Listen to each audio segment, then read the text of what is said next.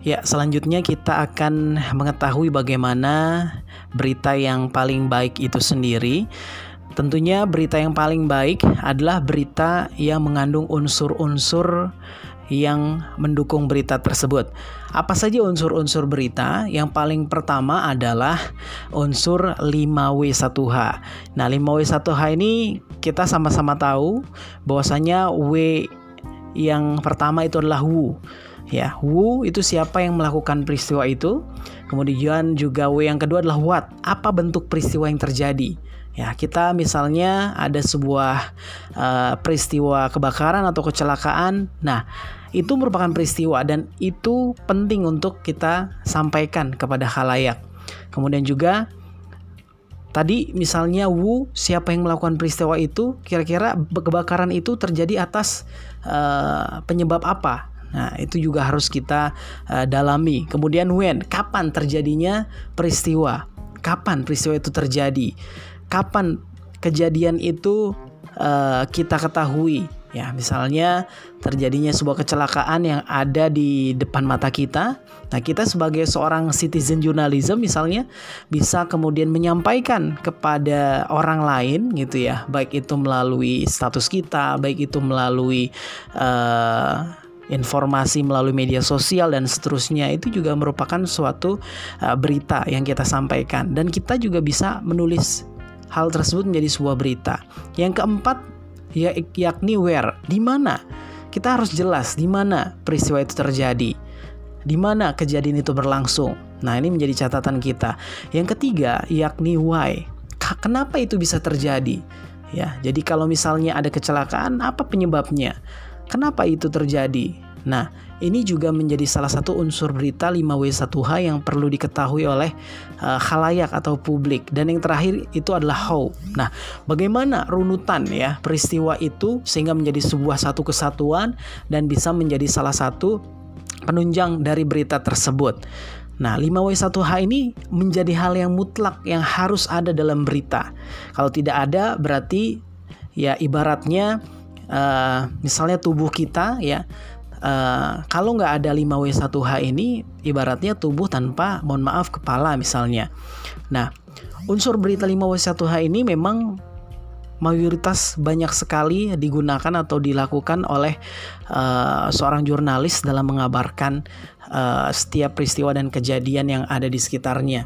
Misalnya juga kalau kita sebagai seorang humas sekolah, kita bisa misalnya meng, ada sebuah event atau kegiatan 5W1H ini kita bisa ibaratkan kegiatan kita ini apa.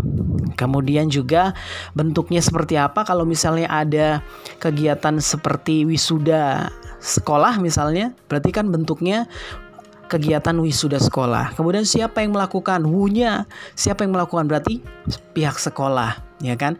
Kemudian when? Kapan uh, semua itu terjadi ya Berarti kita jabarkan acara wisuda sekolah dilakukan pada hari apa misalnya. Kemudian where, di mana wisuda sekolah itu berlangsung atau akan digelar misalnya.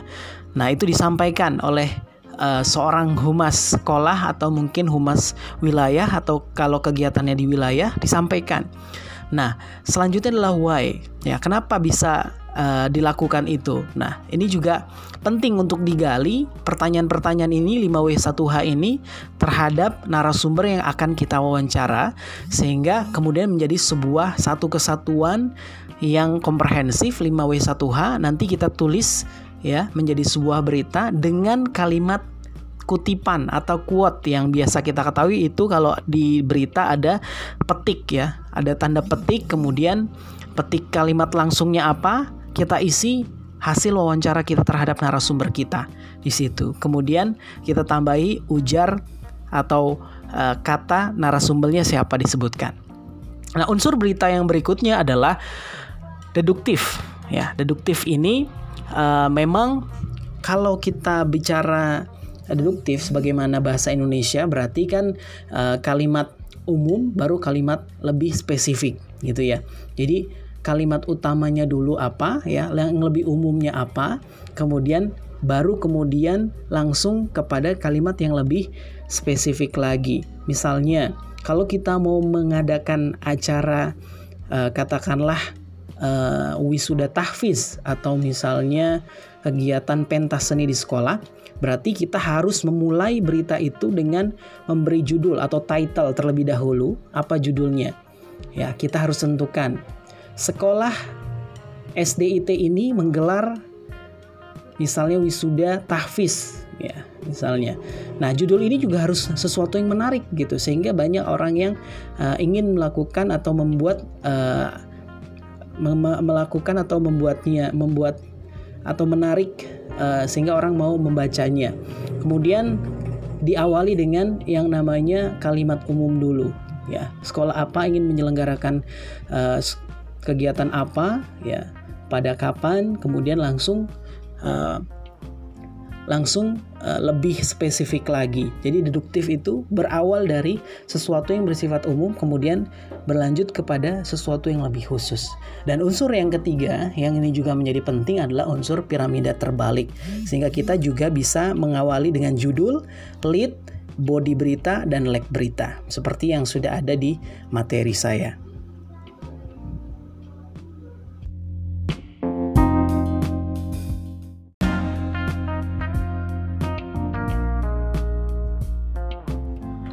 Ya, selanjutnya kita akan mengetahui bagaimana berita yang paling baik itu sendiri.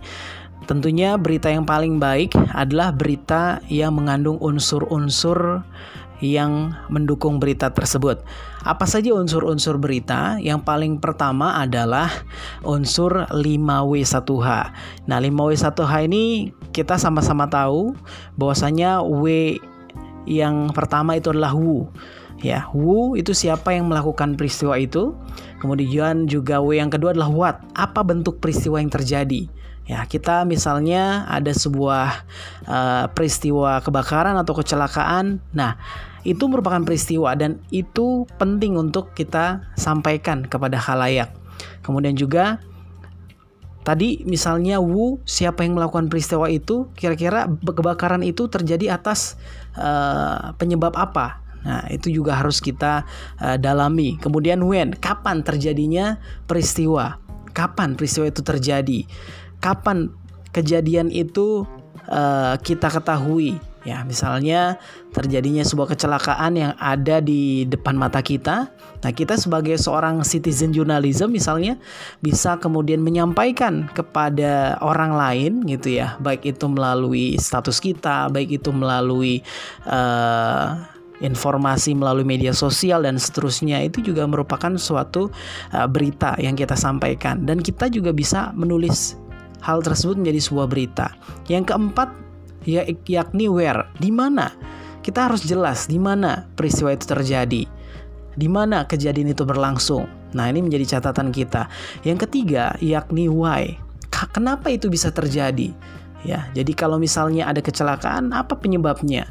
Kenapa itu terjadi? Nah, ini juga menjadi salah satu unsur berita 5W1H yang perlu diketahui oleh uh, khalayak atau publik. Dan yang terakhir itu adalah how. Nah, bagaimana runutan ya peristiwa itu sehingga menjadi sebuah satu kesatuan dan bisa menjadi salah satu penunjang dari berita tersebut. Nah, 5W1H ini menjadi hal yang mutlak yang harus ada dalam berita. Kalau tidak ada berarti ya ibaratnya uh, misalnya tubuh kita ya uh, kalau nggak ada 5W1H ini ibaratnya tubuh tanpa mohon maaf kepala misalnya. Nah, unsur berita 5W1H ini memang mayoritas banyak sekali digunakan atau dilakukan oleh uh, seorang jurnalis dalam mengabarkan uh, setiap peristiwa dan kejadian yang ada di sekitarnya. Misalnya juga kalau kita sebagai seorang humas sekolah, kita bisa misalnya meng, meng, ada sebuah event atau kegiatan 5W1H ini kita bisa ibaratkan kegiatan kita ini apa kemudian juga bentuknya seperti apa kalau misalnya ada kegiatan seperti wisuda sekolah misalnya berarti kan bentuknya kegiatan wisuda sekolah. Kemudian siapa yang melakukan? Wunya. Siapa yang melakukan? Berarti pihak sekolah, ya kan? Kemudian when? Kapan uh, semua itu terjadi, ya?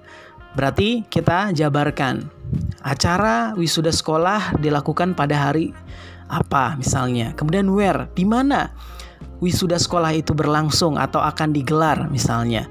Nah, itu disampaikan oleh uh, seorang humas sekolah atau mungkin humas wilayah atau kalau kegiatannya di wilayah disampaikan.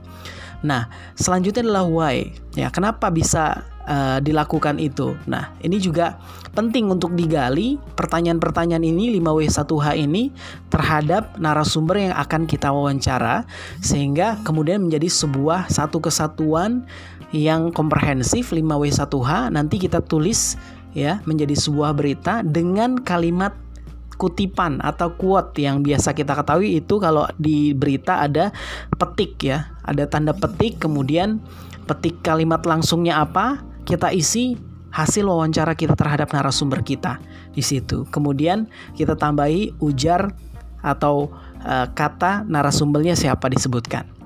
Nah, unsur berita yang berikutnya adalah deduktif. Ya, deduktif ini uh, memang kalau kita bicara deduktif sebagaimana bahasa Indonesia berarti kan uh, kalimat umum baru kalimat lebih spesifik gitu ya. Jadi kalimat utamanya dulu apa ya, yang lebih umumnya apa, kemudian baru kemudian langsung kepada kalimat yang lebih spesifik lagi. Misalnya, kalau kita mau mengadakan acara uh, katakanlah uh, wisuda tahfiz atau misalnya kegiatan pentas seni di sekolah, berarti kita harus memulai berita itu dengan memberi judul atau title terlebih dahulu. Apa judulnya? Ya, kita harus tentukan. Sekolah SDIT ini menggelar misalnya wisuda tahfiz ya misalnya.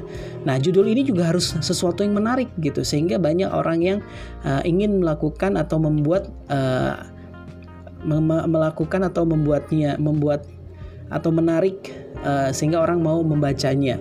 Kemudian diawali dengan yang namanya kalimat umum dulu ya. Sekolah apa ingin menyelenggarakan uh, kegiatan apa ya pada kapan kemudian langsung uh, langsung uh, lebih spesifik lagi. Jadi deduktif itu berawal dari sesuatu yang bersifat umum kemudian berlanjut kepada sesuatu yang lebih khusus. Dan unsur yang ketiga yang ini juga menjadi penting adalah unsur piramida terbalik. Sehingga kita juga bisa mengawali dengan judul, lead, body berita dan leg berita seperti yang sudah ada di materi saya.